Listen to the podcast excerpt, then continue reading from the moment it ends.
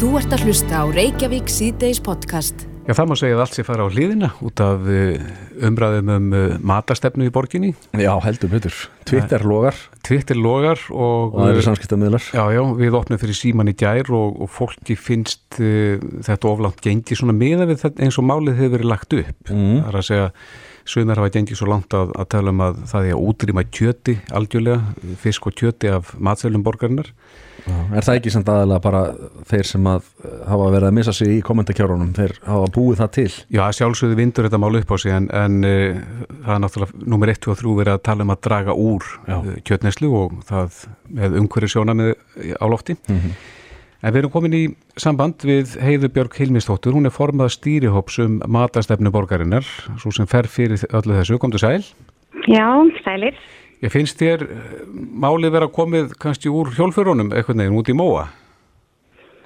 Já, ég verð nú að segja það að við setjum komið ansið langt út fyrir efni kannski. Já, að hvaða leiti? Mörgu leiti kannski ekkert skrítið því að matur eru auðvitað svo stór hluti af okkar menningu og sjálfsmynd og lífi og, og allt það að öll umræðum mat hreyfir yfir fólki Mm en við höfum eh, að sjálfsögðu ekki ætti að banna kjöt eða fisk Reykjavíkuborg Nei. og hérna, það er svona kannski það sem að er mikilvægt að leiða rétta. Ekki að taka kjöt og fisk af matselinum. Nei, alls ekki. Nei. Það hefur ekki verið samþygt nokkuð staðar og alls ekki verið okkar stefna. Mm En það erum við svo sem ekki að, að byggja á neinum, við erum í miklu samstarfi um þetta. Við samþygtum matarstefnu sem að byggja á uh, samstarfi við fjölmarkar borgir í Evrópu, litum til þess sem borgirnar hérna í kringum okkur að gera og það er enginn að fara þá að banna neitt. Nei. En það er svona að auka val og auka valmöguleika fólks að velja hilsusammalegri mat og vistvætni mat og það kannski svona aðeins byrja að tala um svona jarðheilsufæði, það sem er holdt fyrir okkur og það sem er holdt fyrir jörðina. Ég sá í umfjöllun einhverju í gær að það var viðtal við maturslumann í einum af grunnskólum borgarinn og hann sagði að þetta verði ekki góð hugmynda því að, að því að börnin væru í, mikið því að sikta út svona græmiti og henda því Mm. en þá maður veldi fyrir sér þarf endilega bara að bjóða þeim upp á svoði græmiti Nei, einmitt. Það er kannski það sem maður getur gert þegar umræðan fyrir svona stað án þess að e, byggt sér á þeirri vinnu sem búið er að, að vinna. Mm.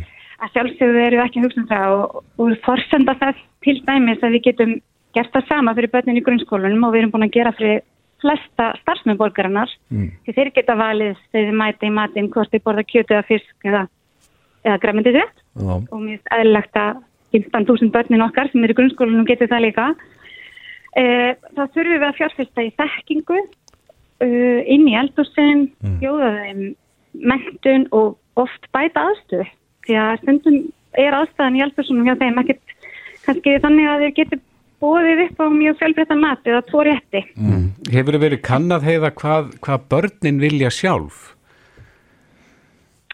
Já, það eru fleiri og fleiri börn sem að vilja núna græmmetisfæði og þetta er meðal annars eina af áskorunum sem kom frá þeim e, í þessum fyrstudagsmótmælum síðasta vettur og, og, og fleiri og fleiri sem að heimta núna að við bjóðum upp á þetta.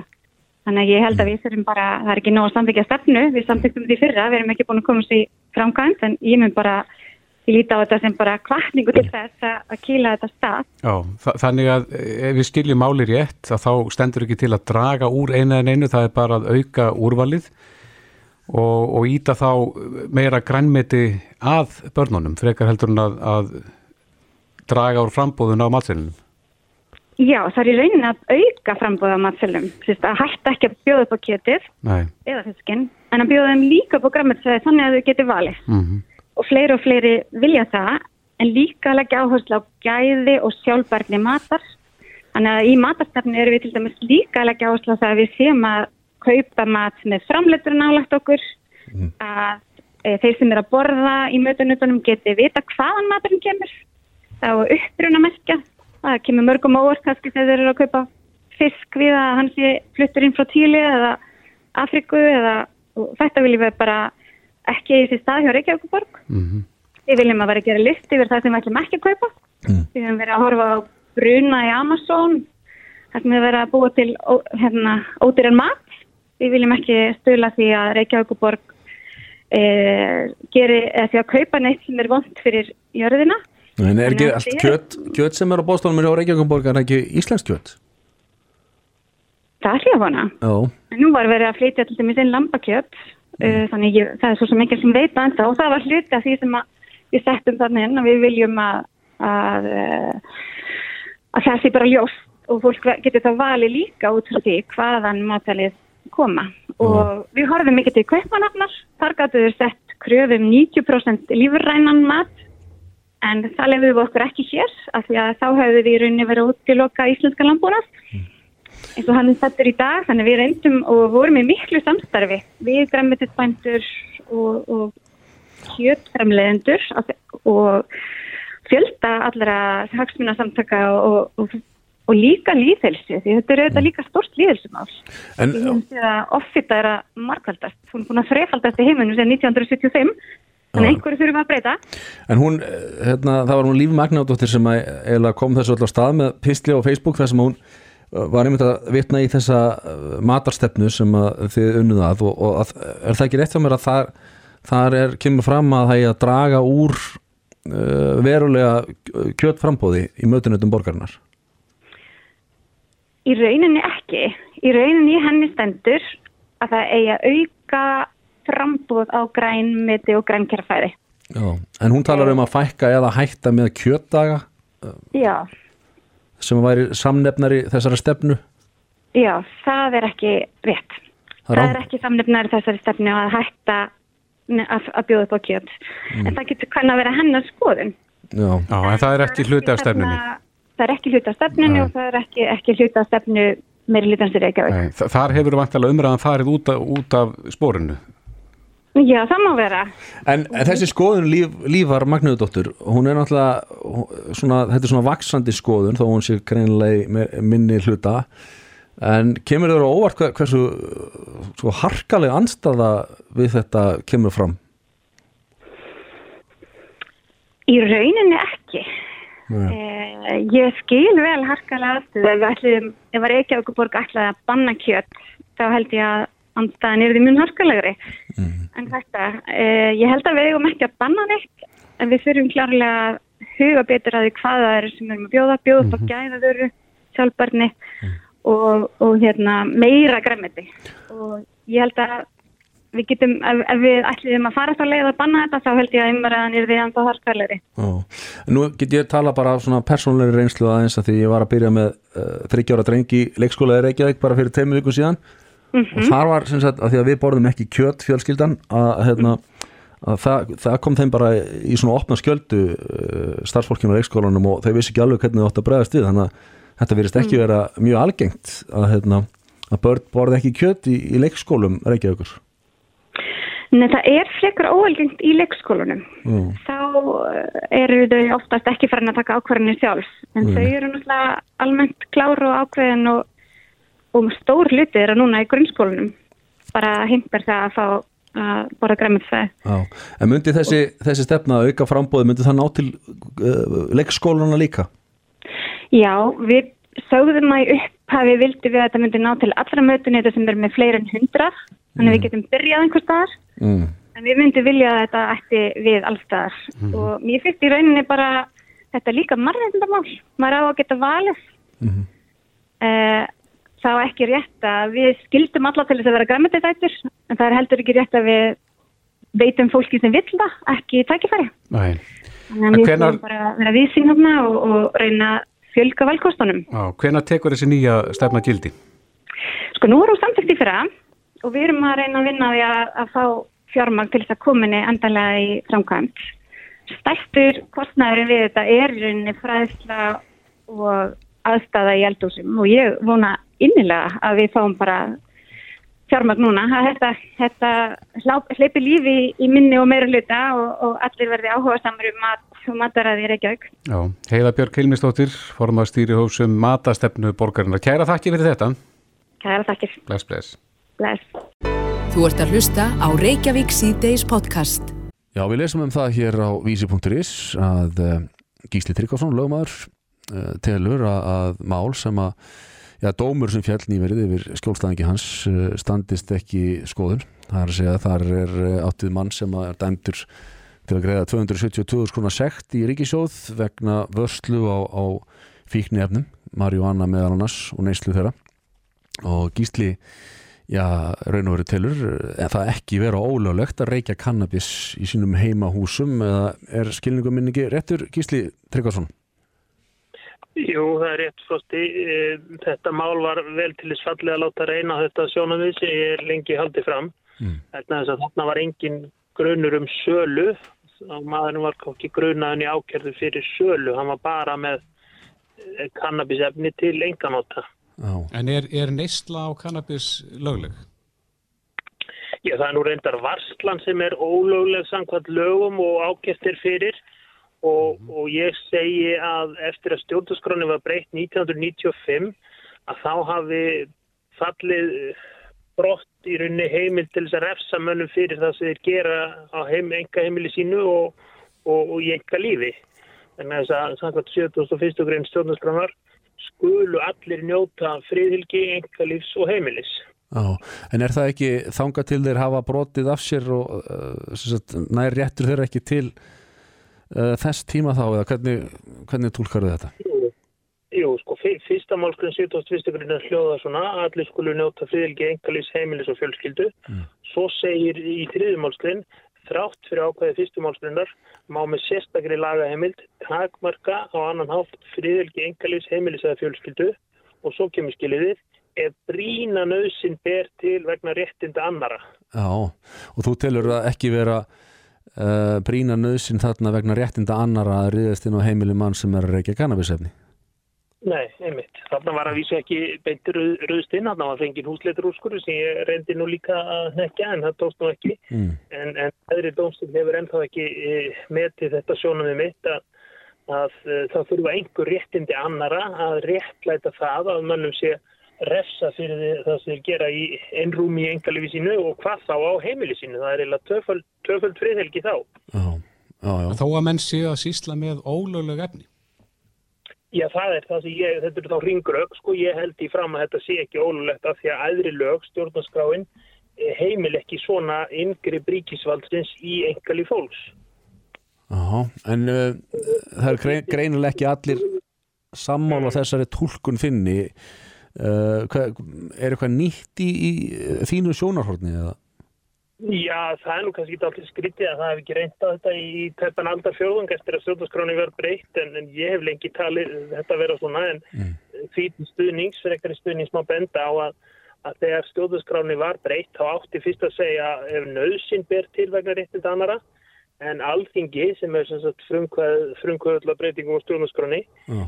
taldi enn meiri ástæði til þess að árétta mikilvægi þess að friðilgi einhverjus og virt og bætti við orðinu brína. Það var brína nöysinn til þess að hérna, vegna réttind annar til þess að takmaka þessi rendi og þá var bara spurningin, er þetta á heimili? Já, það var það í þessu luki og er þetta enga líf líka? Ég til það vera Já. Ég til ekki hægt að sko segja að að því að þetta sé ólulegt þá sé þetta ekki lengur enga lífan þess að þá eru við komin í fingrög. En gísli, hvaða tilfelli gætur réttlegt það að, að það sé farið inn á heimili manna? Hvað, hvaða lögbrót gætu réttlegt það? Já, til dæmis bara skipulagning á mannráni, ég meina alls konar, alls konar brot það sem eru fórnalömp. Fíknir þarna sala? Já, hugsanlega, ég meina allavega eh, það, það kom til umræði í, í dóminum þegar máli var flutt, sko, hva, hvað með ef hann kifti þetta einhverjum, en, en það, það reyndi ekki á það, en það var lág ekkit fyrir hvort hann hefði kannski bara ræktað þetta sjálfur. Já. En dómarinn reyndar, sko, dómarinn kemur eiginlega með einu tækur ökinn fyrst mér gegn þessu, hann sagði sko réttilega að menn voru ekkit að spá í þetta þegar þeir breyttu stofnarskróni og ef þeir hefðu viljað breyta þessu þá hefur sjálfsagt tekið það fram en þá ger ég ágreining við dómaran að sko það á ekki tólka stjórnarskrána eh, frekar en kannski önnulög, allavega ekki svona mannréttið ákvaði mm. eftir í hvað minn meintu heldur hvað stendur þar. Þetta er ju freldur borgarana og ef að stjórnarskráfgefin segir að friðilgi hengalis og heimili sé friðheila nema það varði réttindi annara, mm. þá er að fara eftir því hvort að einhverju þingmenn voru að spá í fíknefnulögjöfuna 1995 eða ekki. Og þú vilt meina að þetta orðalag brína nöðsin verið til uh, vísu þetta í það að, að þetta er skrifað uh, frekar til höfuðs yfirvöldum eða það er að segja að þetta er, þetta er réttur borgarana til að verja sig kakvart yfirvöldum uh, frekar en eitthvað annað. Alveg rétt og það líkur einmitt fyrir frægur dómur í svo kvöldu framamáli frá 1988 það sem að hæsturitur tók einmitt fram að mannriðt ákvaði væru til vendar borgarunum en ekki fyrir handhaf ríkisvalds. Það var eitthvað á þessa leið sem þeir sögðu. Já. Er, hvert er framvaldið þá í þessu máli? Ég gerir frekar ráð fyrir að, að þessu veri áfríðað eða að það veri sótt um áfríðin og leiði fyrir þessu þannig að uh, þó þetta sé allhá sett þá er þetta það uh, væg refsinga að vantala þarf áfríðin og leiði til þess að áfríða þessu til landsrýttar. Mm -hmm. En þessi maður sem ég hef verið að vinna fyrir, hann hefur viljað láta reyna á þetta fyrir, já, bæði hérastómi og hæstaritti í húsleitarmálunu og vantalega landsritti núna í, í refsimálunu. Já. Þú líka hefur talað um það að, að sko, það ætti ekki að vera hægt að framkama húsleit og halda manni yfir nótt þegar að niðurstaðan er síðan svo að hann fær einungi smá sekt fyrir að hafa reykt kannabis í skjóli síns eigins heimilis. Já, svo er það eiginlega viðbúta rauksend á samt fleirum að mér finnst freklega broti gegn meðalhofi þegar ríkisvaldi leggur svona, já, í svona mikinn kostnað og mikið árið til á einn mann mm. vegna þess að hann er að gera eitthvað sem að í rauninni trubla ringan. Já, aha. En það er þá rétt skilið þá mér að, að þú telur að þessi lög um vörslu fíknefna eða sem, sagt, sem að hann er talin hafa brotið að þau stangist á við stjórnarskrana? Já, allavega beiting þeirra í þessu tilviki. Ég er náttúrulega geng ekkit lengur en að segja að í þessu tilviki megi ekki refsa þessu manni. Þú getur með látið reyna á eitthvað annað, hvort að, hvort að þetta nær til annara efna og, og, og meira maks og hvort að þetta nær til uh, neyslu utan heimilis vegna þá engalísvendarinnar. En, en þetta til í sérstaklega, ástæðu til þess að fallast á mitt málvegna þess að þetta er tvöfald, tvöfald friðhelgi, engalíf og heimili. Einhver. En þú vilt að Þú vilt að landsréttu þá hveðu uh, upp sinn úrskur til þess að fá úr því skori hvort að stjórnarskrár uh, ákvæðið sé aðsta ákvæðið þegar það kemur að friðveldi heimilsins? Já, það er svo sem enginn vafið. Það er bara spurning á að tólka það svona eins og dómarinn gerir, hvað menn meintu uh, eða á að tólka það sem ég kalla hlutlæri skýringu eftir í hvað stendur í ákvæðinu. Og yfirleitt er nú svona ákvæði sem eru til vendar borgurunum skýrið borgurunum í hag og, og hlutari skýringu mm. og ég vil gætna láta reyna það fyrir landsrétti, já.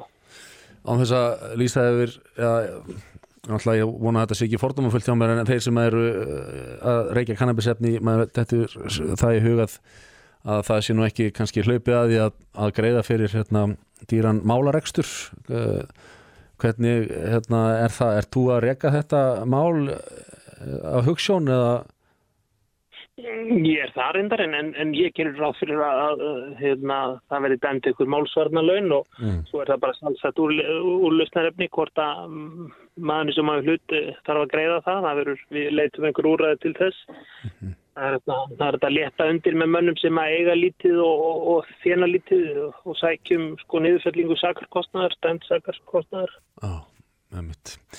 Áhugavert mál og verður uh, frólægt að sjá uh, næstu skref. Gísli Tryggvarsson, lögumæður, við þakkum þið kjalla fyrir spjallið. Takk fyrir sem leiðis.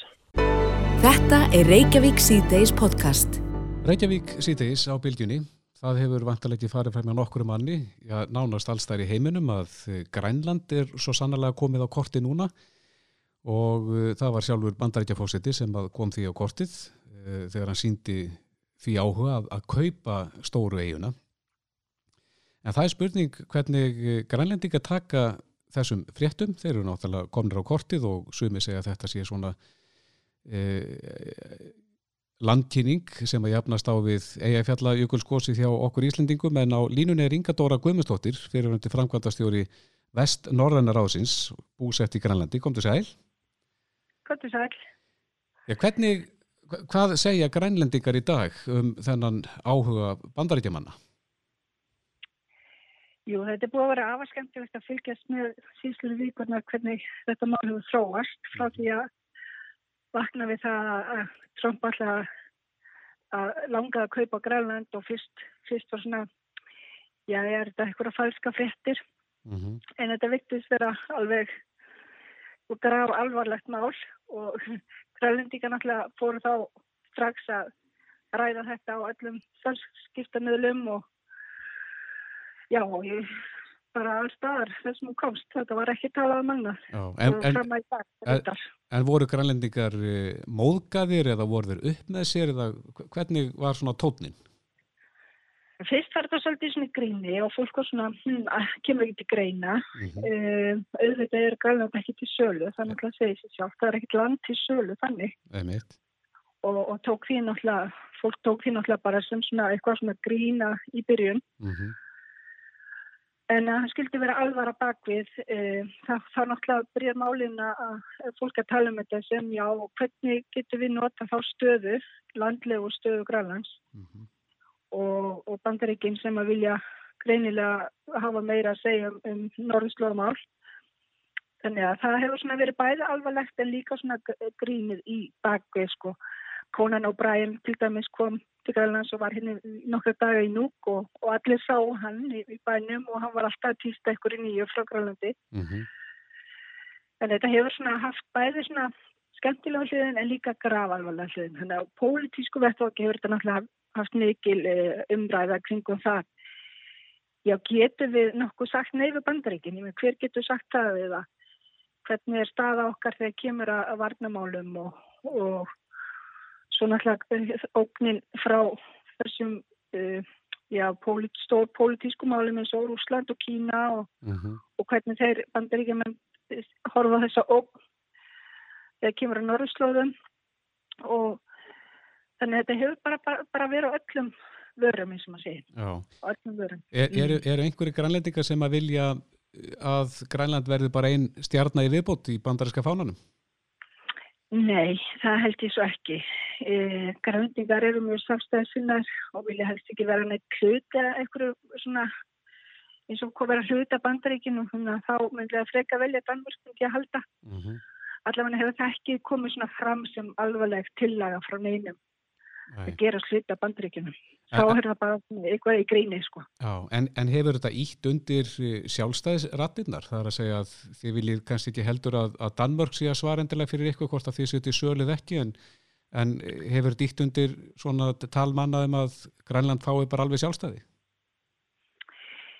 Nei, það er náttúrulega ekki mögulegt en þá eins og efnaðslega sem við liggjum uh, en Þetta hefur ítt svolítið undir þeirri það sem að græna til að vita þessi síðslun ár að hérna norðurslóður mun hafa og norðvest syklingarlegin mun hafa uh, mikil áhrif á landliðu stöðu Grænlands mm -hmm. og það er uh, þessi skilningur á, á þessu máli hefur uh, sínt að Danmörk þarf að taka sínu sitt hlutverk mjög alvarlegra þegar kemur að því að vera, vera í Eh, sem partur af Grænlandi sem maður getur sagt. Þetta hefur samt sem áður ítt svolítið undir sjálfströsti Grænlands á eitthvað nátt. Þannig að þú getur að við erum spennum kannski aðeins sterkari í einhverju stöðu með í, í, í einhverju samninga viðræðan við Danmörk eða eitthvað þannig. Það hefur getur maður sagt þetta hafi einhverju áhrif á, á svona, já, svona, já, fram, framtíðar samskipti Grænlands og Danmörkur. Já. En, eh, innan ytterriksmála og varnamála og þess áttar. Já, er, er Grænland farið undirbúið svo undir bylgju ferðamanna? Það er að segja þetta, við náttúrulega komið Grænlandi rætilega á kortið. Þetta hefur alveg haft þessi eh, áhrif eins og ég fyrir að jöfnveld smáli og fræga. Mm -hmm. Jú, þetta hefur eh, greinilega norðaramlisku túristar sem að ég sá sem klippu frá Conan O'Brien í nótt sem að sendi smá hérna frá sér og spurði svo uh, hérna fólki sem var í salunum hver, hversu margir hafa verið í Grænlandi? Og það var enginn sem sagði neitt þannig að hann sagði þannig sjáu þetta er bara eitthvað sem við höfum aldrei hugsað út í. Já. og ég býst við að bandaríski túrista vilja frekar fara að koma sko með þessum út af þessu. Mm -hmm, Akkurat. Þannig að, mm. þannig að andin er bara góður í Grænlandi og, og þeir lítið það vantalega á þetta sem miklu meiri svona kynningu fyrir, fyrir landi frekar en eitthvað neikvægt Þetta er bæði, þetta er bæði frábær kynning, þetta er rosaflott kynning fyrir okkur og þetta kostar miljardar að koma í allir þessi fjölmjöla, alls á fjölmjöla auðvitað. Mm -hmm.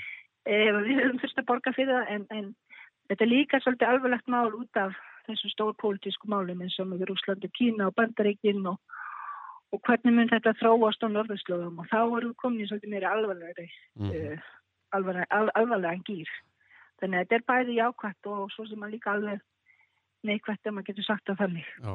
Fannst ykkur danski fósettisáþarann afgreða máli vel?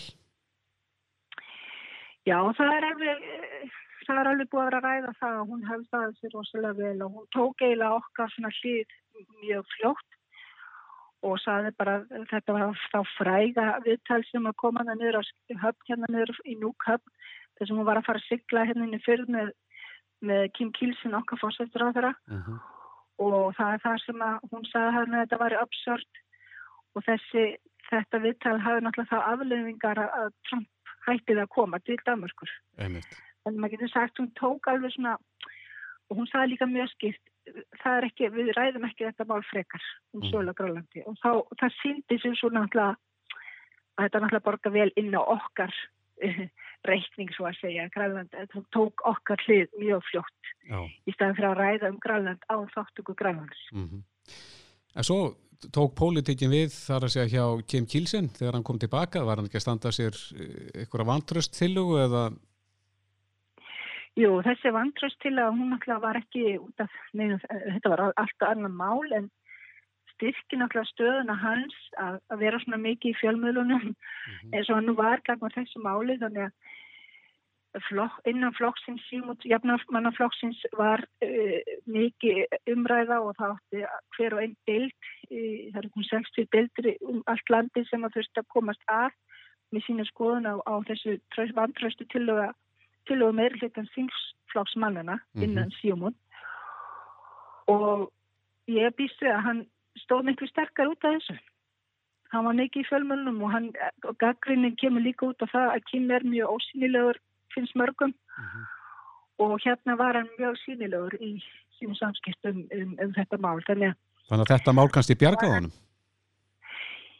Já, þessu leiti hefur það örglega haft áhrif á að gangi mála uh, að varguleiti.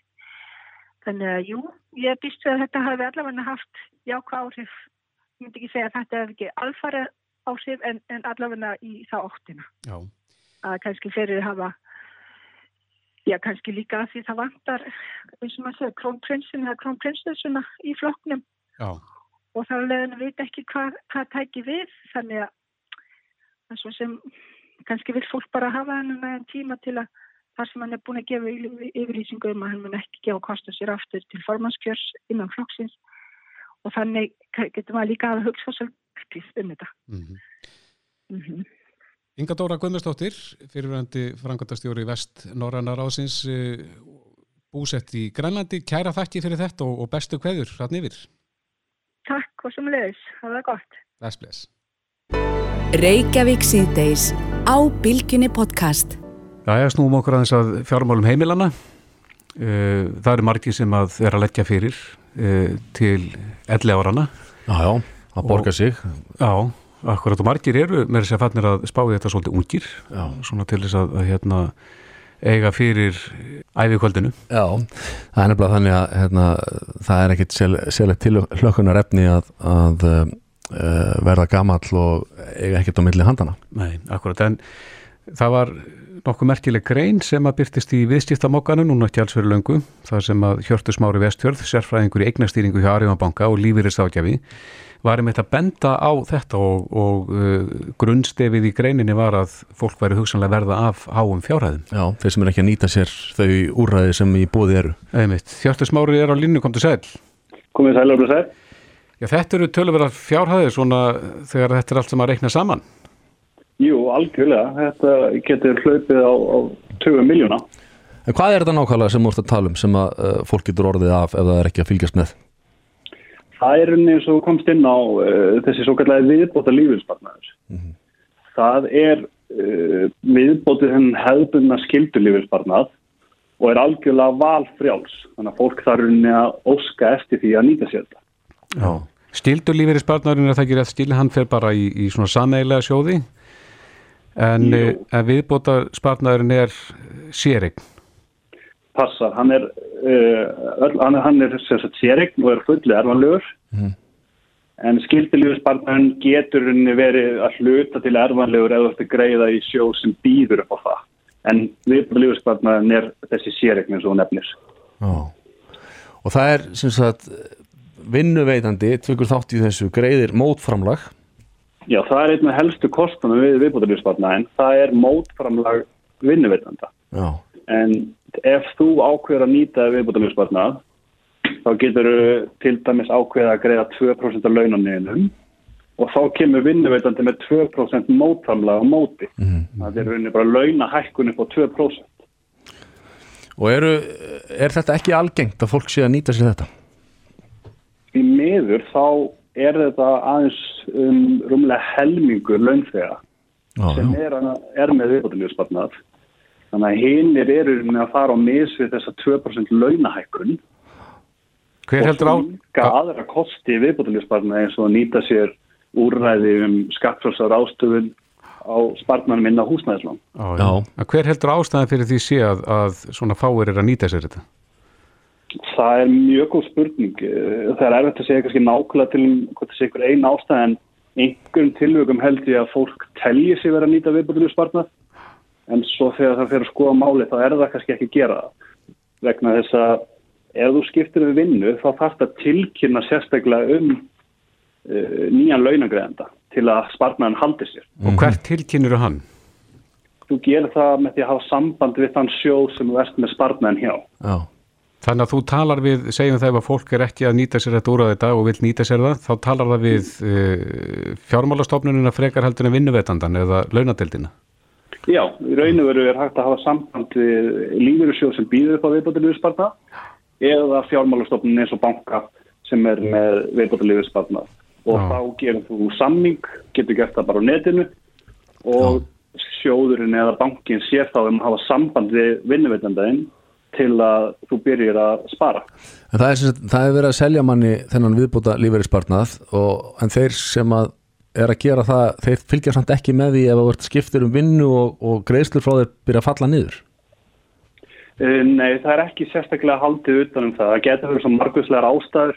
mm. Við komandi geti verið að flytja ellendist, það getur verið fæðingarorlof eða eitthvað slíkt. Mm að það er held ég fle- flestu tilökum ekki verið að fylgja sérstaklega með því. En, en mætti gera uh, þá meira af því að, að íta við fólki og kannski að komast að ástæðinni fyrir því að greiðslar hafa fallið niður? Jú, klálega, ég held að það var hérna, stór umbót ef að, ef að er þið haft samband við fólk sem leiður spartnæri fellur niður. En þú nefndir hérna með að leggja síðan viðbúta lífeyrispartnaðin inn á höfustól húsnæðislána Já, passar. og það, það er sagt vera einhver hafkamasta leiðin til þess að, til þess að spara peninga í dag er það ekki? Já, það er mjög hagkvæm laust vegna þess að eh, þú greiðir ekki tekjuskatt af þessum spartnæði þegar hann fer inn í sjóðinn Mm. og ef þú nýtir þessa skattfjálsu húsnæðisfjármögnun þá greiður ekki heldur tekjuskatt þegar þetta fer inn á lánið. Mm Og svo náttúrulega eins og við erum búin að ræða að þá er launagreiðandi en að koma með mótframlega inn í spartnæðin. Þannig að launagreiðandi henni hjálpaðar að eignast húsnæði. Aha. Og þetta er úrræði sem að hefur stað til bóða síðan að leiðrættingin var kynnt til sögunar eða ekki? Passa, þetta er eiginlega tvö úrræði. Þetta er annars vegar úrræði sem að kom 1. júli 2014 og það er úrræði sem að stendur ennþá til bóða var nýbúið vera lífverið framlengt til 1. júli 2021 og allir geta tekið þátt í því sem að eiga fastegn og geta þá reynu nýtt viðbóta lífverspartnaði sem til að greiða inn á lánið sitt. Svo er annað úrræði sem er nýtt úrræði sem er svo kvöldur fyrsta fastegn og það er hugsað fyrir þá sem er að kaupa svona fyrstu íbúð. Mm. Þa, það er nýlegra. Það er nýlegra. Já. En má ég spyrja, hver, hérna, hverju getum við þakkað að þetta hafi verið framlengt? Þetta er búið að framlengja þetta í tvígangur, það ekki? Síðan Jú, að þetta á- átti að hætta. Hva, hvað var til þess að það var ákveðið að framlengja þetta? Veistu það? Uh, nýveri var eh, náttúrulega þetta hluti af þessum svo kvöldur lífskjara samningum og umræðum í kringum þá. Já, Þannig að þá var lögð áhersla á að, að fólk geti í rauninni nýtt þennan viðbótaðiðspartna til að fjármagna húsnæði. en það, það er, er ekki til umræðu að það hafa þetta bara svona til frambúðar. Þetta er bara tímabundin uh, valkostur. Eins og er, er það allan upplæð. En eins og þú réttilega nefnir þá hefur þetta verið framleik núna tvisvar Þannig að við sjáum alltaf bara til hvernig, hvort það verið framlengt á aftur þarna 2021. Já, en getur þú nefnt okkur dæmi um uh, uppæðir sem að fólk er hugsanlega verða af ef það nýtir ekki þetta úrræði? Já, Já, það er að segja viðbútasparnaðin. Já, viðbúðsfötin nákvæmlega. Eh, Til dæmis bara aðili sem er með 350 krónir í mánaðalaun og ákveður að nýta sér viðbúðsparnað, leggur fyrir þá 4% af sínu launum, að þá kemur launagreðandi með 2% mótsamlag, að þá erum við að tala um sparnað upp á 21.000 krónur á mánuði. En útborgu laun lækka aðeins um 9.000 krónur. Já, svo ef þessi aðili nýtir síðan þennan viðbótarliðspartnað í á 40 ára starfsæfi og er með þessi sömu laun allan tíman að þá við að tala um 22 miljónir tæpar sem að viðkomandi ætti eftir þennan tíma. Já komið allt sæl og blessið nákvæmlega. Og flest okkar náttúrulega hækkum kannski aðeins í launum eftir þessi líður og starfsæfinu þannig að það getur það er ennþá hærri.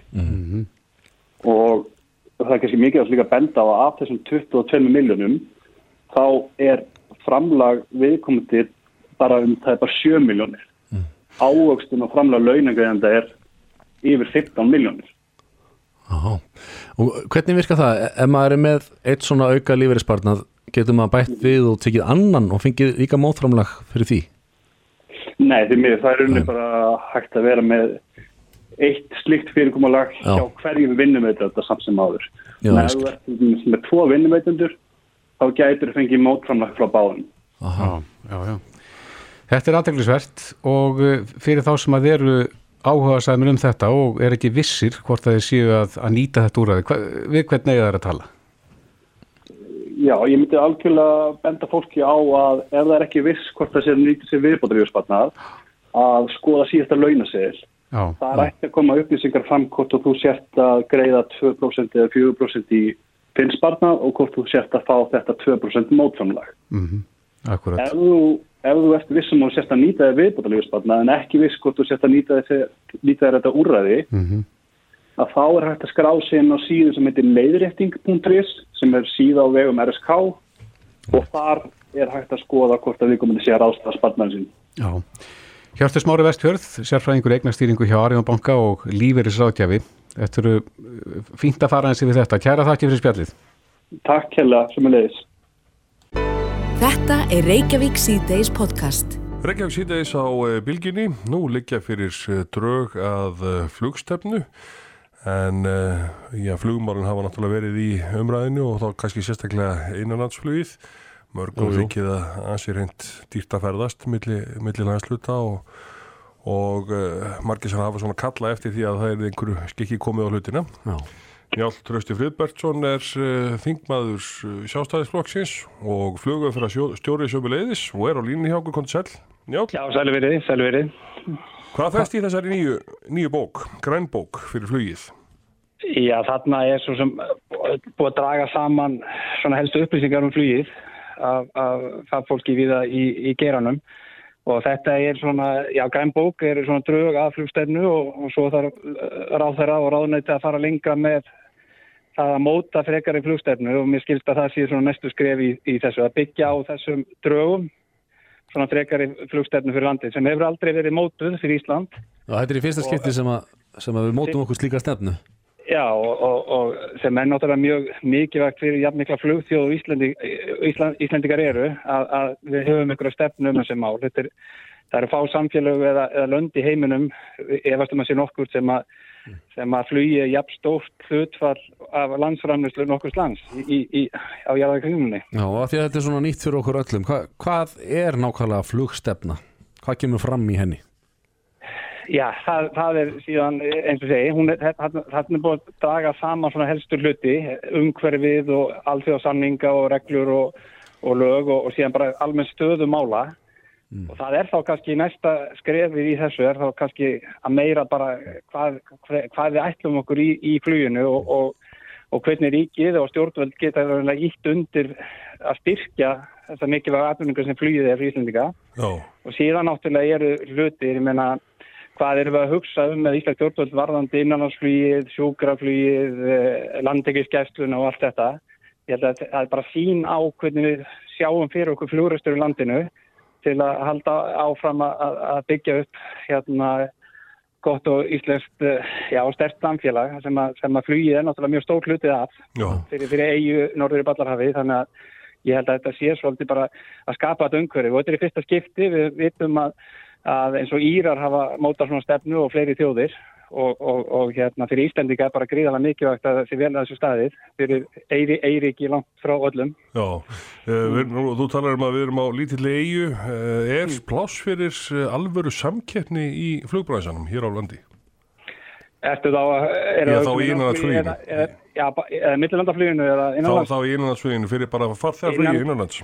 Já, sko, þetta, þetta er alveg sagt, spurning að, að við erum þetta er mjög fámennt hjá okkur. Það eru fáið sem búið í landinu og þetta er ekki margir farþegar á, á þessu flugleiðum sem eru. Nei. og bara eins og akkur Reykjavík sem kannski er um helmingun af uh, innanlandsfarþegunum.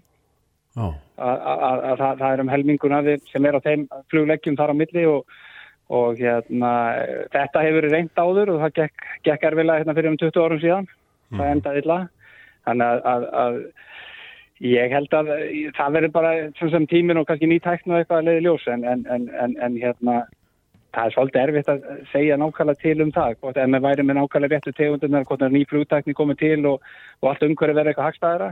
En, en eins og umhverju í dag þá er það mjög erfitt og, og hérna við þurfum að reyna að finna, finna eitthvað góða lausnir á, á svona þessu almenna innanásflugi Já, ég sá hann í færslu frá þér um þetta mál að, að eh, þú telur að í draugunum felist viðurkenning á því að, að höfuborgin er hlutverk höfuborgar uh, sem krefst hraðsamgangna til og frá uh, hennar til helstu bæja landsins? Já, ég, já, uh, þetta er náttúrulega þessar hraðsamgöngur, þetta kemur fram í grein okkar aðra trösta í morgunblæðinu síðastlega lögata sem minnumst á þetta, mm. Að, að ég held að sé nú almennt sátt í samfélagin okkar um það að, að þetta er raunlega þessi hraðsamgönguleið, það er flugið innanlands, við, erum ekki að fara í lestir eða annars líf. Þetta er mjög Og- umdelt og- að hafa flugvöllin í Reykjavík enga síður Já, umdeilt, þannig að sem er umdeilt en það er mikill stuðningu með þjóðurannu um það að, að flugvöllun sé þar og, og það er nú verið gerða skýslur eins og KPNG hérna fyrir einhverjum árum síðan að til dæmis var tekið, ef, ef myndi flytja til keflaðugur að, að þá töldu þeir að myndi mikka innanlandsflugið eða draga á fjölda þeir sem nýta sér innanlandsflugið um 30-40%. Þannig að menn getur rétt ímyndað sig hvað, hvað, hvað það myndi þýða í þessu sammingi hlutanum. En hvaða þýðingu hefur það þá að, að Reykjavíkuborg hefur í reynd uh, tekið þá stefnu að flugvöllurinn eigi ekki að vera þarna til frambúðar?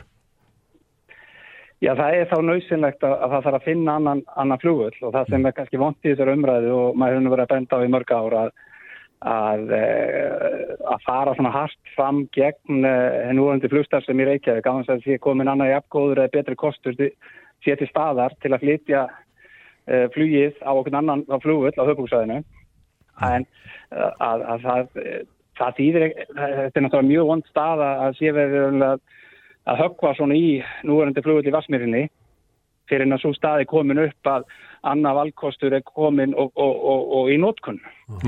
Að þetta náttúrulega er, að, þetta er hluta því sem ferlið sem er að skemma eh, eða, eða, fer illa með innlandsflugið og til dæmis það með ekki framkvæma nokkuð skapaðan hluta á Reykjavíkflugulli, endur byggja byggja nýja flugstöðu eða annað. Þetta hefur verið mjög skadalegt í öllu þessu. Og er þessi, og flugs, öllu. þessi flugstefna, hún er reynur að tekur undir þetta sjónamið sem þú ert að lýsa hér? Já, ég, ég er náttúrulega ekki höfundur af þessum, þessari grænbók en, en, en, það sem kannski gaggrín hefur uh, á grænbókinum var að heyra vitt og breytt kannski að sveitastöndumönnum á landsbyðinni og ég bara tek undir þau sjónum heilsugar að, að það er kannski vantar svolítið meira uh, í þessa grænbók og þá vonandi kemur það bara inn í þá flugstefnum sem verður mótuð að þessari vinnu það sem sjónamiður umverulega sveitafélag á landsbyðin og sveitarstofnamanna eða landslutasamtaka komið meira þessari vinnu til að tryggja gott og öflugt innanhansflug. Mm. Það sem að þessi gaggrín sem hefur komið frá sveitarstofnamannum á landsbyðinni snýra því að, að, að, að, að það er bara höfuborgarbúa sem hafa mótað þessa uh, grænbók. já, já. Og, og, og ég get svo sem alveg tekið undir þau sjónamið, þekkið þau ágætlega svona sem gammalt sveitarstofnamannur á landsbyðinni að, að þarna hefur kannski orðið smá brestur á Mm. í, í, í þessari vinnu sko. Já, Við erðum í félagsmálar á þeirra í gær, hann kynnti nýja leiðir, uh, lína, nýja lánaleiðir til þeirra sem að vilja byggja á uh, köldum svæðum eins og hann kallaði það á landsbyðinni. Já, Uh, þessi köldu svæði koma líka til uh, já, sögu já, og við sögu í, í flugbransanum og það hefur verið talað um að, að uh, þessar flugleiðir á að kald, þessi kaldari svæði verði ódýrari. Akkur er ekki búið að hrinda þessi framkvæmt? þá með, með skóskuleðina. Já, Já, þetta, þetta er bara hugmyndir sem við erum að vinna með og, og uh, maður er bara tekið undir maður hó, hó, sem sem að taka þátt í þessar umræðum um skóskuleðina þegar maður var í sveitstóðumálum á Akureyri fyrir einhverjum árum síðan. Og nú er þetta komið það ferdi að, að, að, að í skýslu hóp sem ég stýrði skila af í desember hugmyndum um þessar skóskuleið og hún raunlega fór í gegnum þingið og samþýtt í samgöngu áallun í þeirra umræði í februar að Akkurat. 48 þingmannum þannig að nú eh, er minnst á hana í fjármálaáallunni þannig að nú býðum við bara spennt eftir fjárlögunum sem að veru koma þá fram núna í september, meðan september í þinginu. Já, og, og hvað hva fjármagn uh, við erum að tala um sem er varið, varið til skósku leðrunar til að og vonir standa til að við getum hafið þessa eh, eða sem sagt að hún komi inn á næsta ári með einhverjum hætti mm. Er hérna, ég sá einhverju gaggrinendur hérna sem voru að skrifa við uh, greinina en að það er verið að tala um að þetta sé uh, rambyggðar pólitíst mál þannig að segja að þetta sé enn og aftur þetta höfuborgin á móti landsbyðinni er, er eitthvað hæft í því? Ég vil nú trúa því að almennt sé sátt í þessu landi að, að höfuborgar áttu sig að það þarf að vera sterk landsbyð og landsbyðin áttu sig að því að það þarf að vera sterk höfuborg. Einmitt, Til, að þetta, til, til, til að þetta uh, Ísland styrkist til lengri tíma og ég hef haft verið lágur því í lengi að, að uh, landið sé raunlega bara breytast í borgviki og ég, mér finnst ekki vera uh, svona sjónarhótt sem ég hef mikið áhuga að sjá fyrir mína afkomendur og síðar að Ísland verði eitt borgviki. Í dag er uh, hvita og hvításvæðið 84% landsmanna búa því og, og ég held að litir okkar samfélags verði nú heldur svona fölleitari ef við, ef við ætlum að halda þeirri leið áfram að við munum öll enda hérna á söðustur hodninu. Þannig ég, ég vil trúa því og það hefur mjög mikið stuðningu við almennt við innanlandsflugið og Reykjavíkflugul, bara almennt hjá almenningi á Íslandi og alltaf góðu stuðningu til hans við Reykjavíkflugul. Þannig að, að já, rétt í lokin þetta vinnuheiti eða titillin á þessu grænbók það, þetta hefur ekkert með einhver umhverfismál að gera Hva, hvaðan er þetta komið? nei, ég held þetta er þetta ekki það sem við ofta erum talað um græn, grænbók og það er svona drög, síðan er kemur hvítbók Já, og, þa og það liggur kannski frekar stefnan frammi. Ég held að þetta nú svona hefðbundið uh, Stofnanamál. eitthvað svoleiðis verð, stofnanamál sem ég held að við séum nú kannski að taka eh, að utan. Já. Uh, við höfum nátt heist þetta með eins og Frá E og, og um hýttróflugul og hitt og þetta hefur með lýsingin í tíðina. Já, Uh, þannig að það- er svona meiri, uh, meira kannski kjött komið á beinin. já. Það verður fróðlegt og skemmtilegt að fylgjast með framtíð flugmál á Íslandi. Njálf Trösti Hriðbertsson uh, þingmaður og flugumferðarstjóri. Bestu þakki fyrir þetta. Er þess. Best, best. Hlustaðu hvena sem er á Reykjavík C-Days podcast. Það er, uh, já, nógum það að fólk er að reyfa sig Já, já, og það hérna yfir, yfir svona hásumarið á Íslandi sem að er þetta svona farið að uh, tak- tekið að halla já, já það reyndar ansið langt þetta sumar allar að verða Já, já. finnst manni og við erum bara þakklátt fyrir það Já, en, uh, það er þessi Kia gullringur sem við heyrum af og þar á svo sannlega að hjóla. Já, og uh, hjólreiðakeppni það er ekki, sko hjó- hjólreiðar hafa orðið fáránlega vinsalar á Íslandi á undanförnum árum. Já, og, og, og svo eru þessar keppnir að bætast við líka. Já, já, það er cyclothon og, og gullringurinn og ég veit ekki hvað og ekki hvað. Mm þannig að þetta er greinilega komið til að vera. Já. Einar Bárðarsson uh, veit allt um Kia gullringin, kontur sælumæsaður Já, góðan daginn.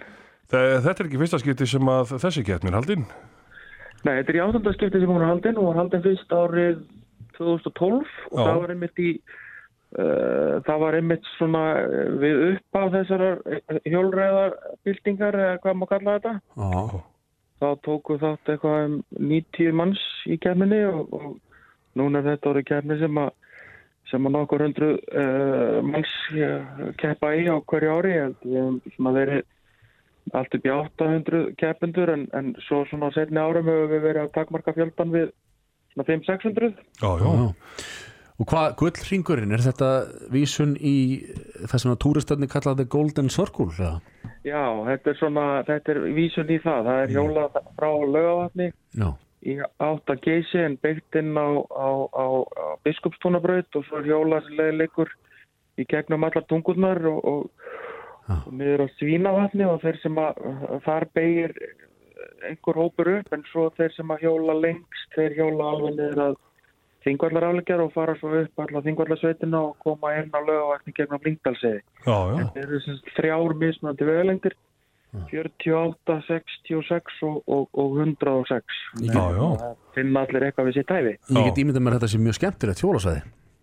Já, þetta er svona það sem að þetta gerir þetta svolítið skemmtilegt er að þetta er náttúrulega gríðarlega fallegt allt það hjóla svona um kjarlendi og, og þetta er svona tiltölulega uh, hérna Slétt. uh, slétt Malbik alla leið. Já, það er Malbygg allar leið nema í, í styrsta ringnum, þar er farið yfir Reykjaheiðina, hún er eitthvað nýju kílómetrar af, af möll, en það er líka eini, eini ringurinn þar sem við leifum sérst, fleiri tegundar af hjóli en svona svo kallar götuhjól. Já, já. Og er verið að keppa bæði í einstaklingskeppni og eh, eru hópar? Já, uh, það, er, það er keft bæði í, í, í, einstaklings og hópum og svo er þetta nú líka orðið þannig að, að það, er, það er til dæmis í 66 kilometrunum og þá eru þrjár svona ræsingar eða morða þannig. Við ræsum fyrst þá sem eru svona að- að- að að- að keppa sín á milli. Já. og, og svo ræsum við þá sem eru að keppa það sjálfan sig.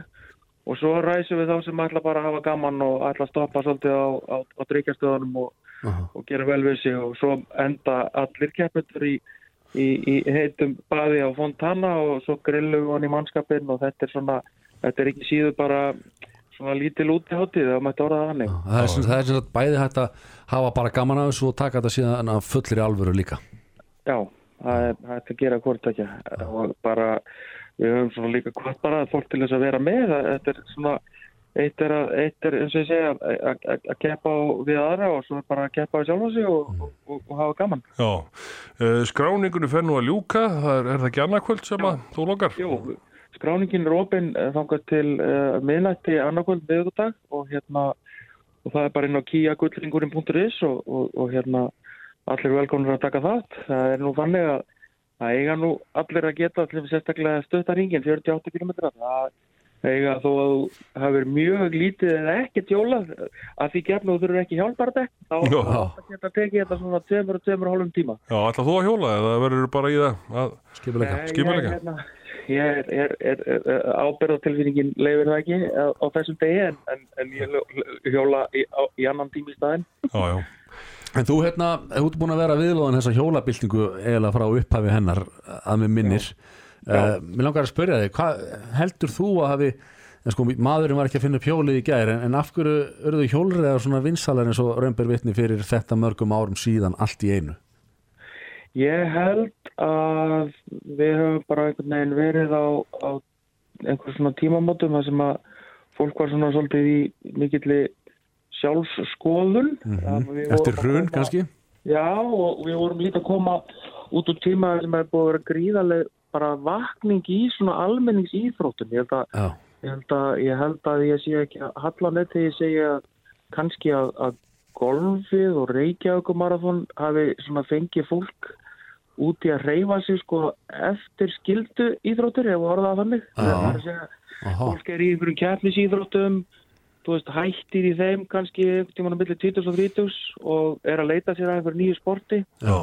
síðan fyrir fólk út að hlaupa og reyfa sig eitthvað svona og ég held bara einhvern veginn að, að hjólinn hafi bara einhvern veginn allt í hennu dottið inn svona sem eitthvað svona áhugavert fólk var svona áhugavert tilbreyting við, við kannski þetta sem ég nefndi á það Mhm. Já. og, og þetta er svona þetta er þannig íþrótt að, að, að allir geta farið í þetta svona á sínum rafa Mhm. og hérna þú þarft ekki að stóla einhvern annan þú getur hjóla bara þegar þér hendar og svo getur náttúrulega farið í hópa og, og æft þú veist með öðrum en, en ég held að þetta hafi verið svona það sem að dró fólk í þetta og, og líka bara fyrir svona svona bollu, svona fallega bollukalla eins og mig að, að hérna svona glæsimenni að, að hérna við kannski erum ekki að fara rosalega vel með nýjena ákvöld þegar við förum út að hlaupa þannig að þetta var ágættis, Já.